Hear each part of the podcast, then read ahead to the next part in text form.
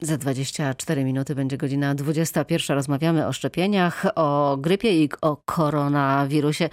A te, dwie, te dwa zachorowania będą się mieszać już niedługo. Czego można spodziewać się jesienią i o korzyściach ze szczepienia na grypę właśnie w czasie pandemii. Profesor Egbert Piasecki z Instytutu Immunologii i Terapii Doświadczalnej Polskiej Akademii Nauk. Posłuchajmy. Tak normalnie jak patrzymy na grypę, no to najmniej zakażeń y, wirusem grypy jest w sierpniu. Od połowy września zaczyna się powolny wzrost, który w grudniu, styczniu przybiera na sile. Mamy luty, marzec, szczyt zachorowań, potem zmniejszenie. Tu może być podobna dynamika. E, związana w dużej mierze z, e, z, temperaturą otoczenia, czy będzie zimno, czy ciepło, czy będziemy mogli wietrzyć pomieszczenia, czy się zamkniemy w czasie deszczu i zimna w jednym pomieszczeniu.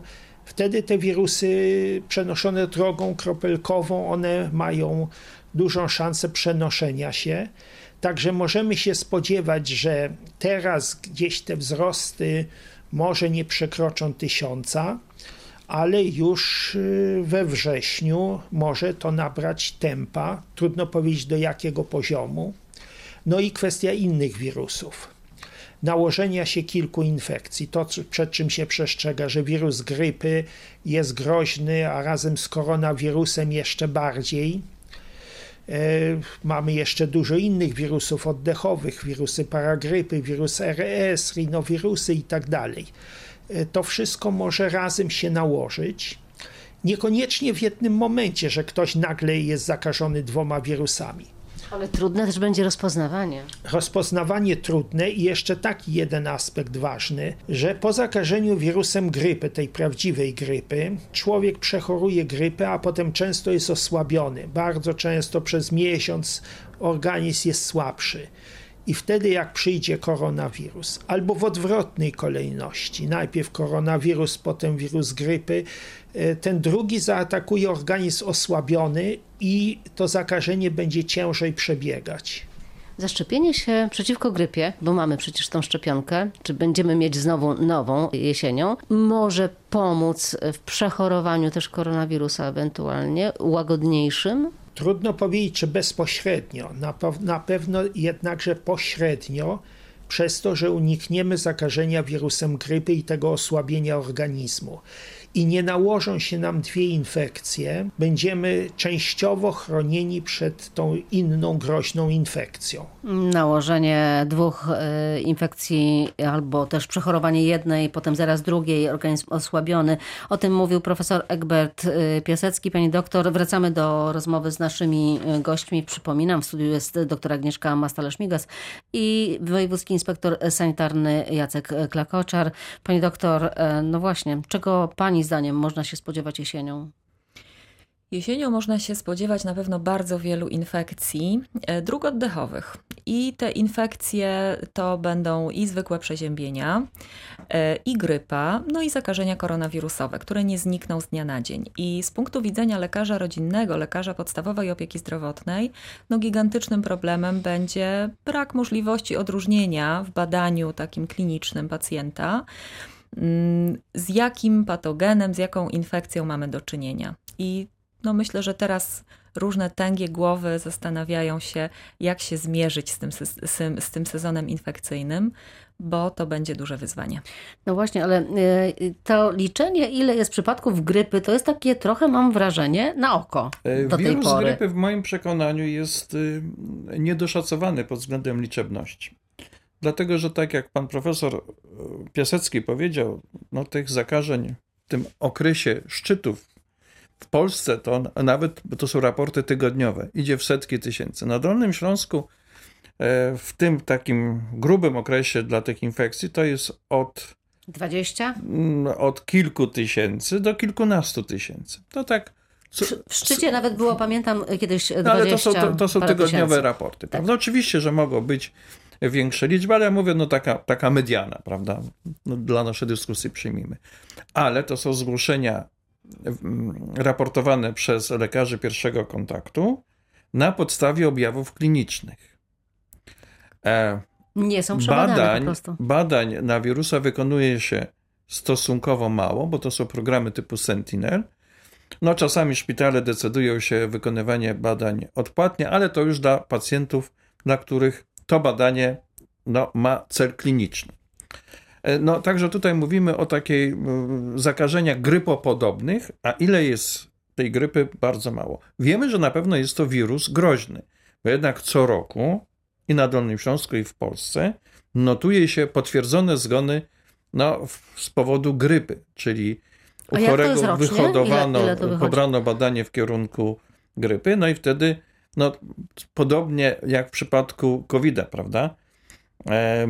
Pobieramy badanie, e, no, jest e, chory, no i dochodzi do tego no, najbardziej tragicznego przebiegu, czyli do zgonu, prawda?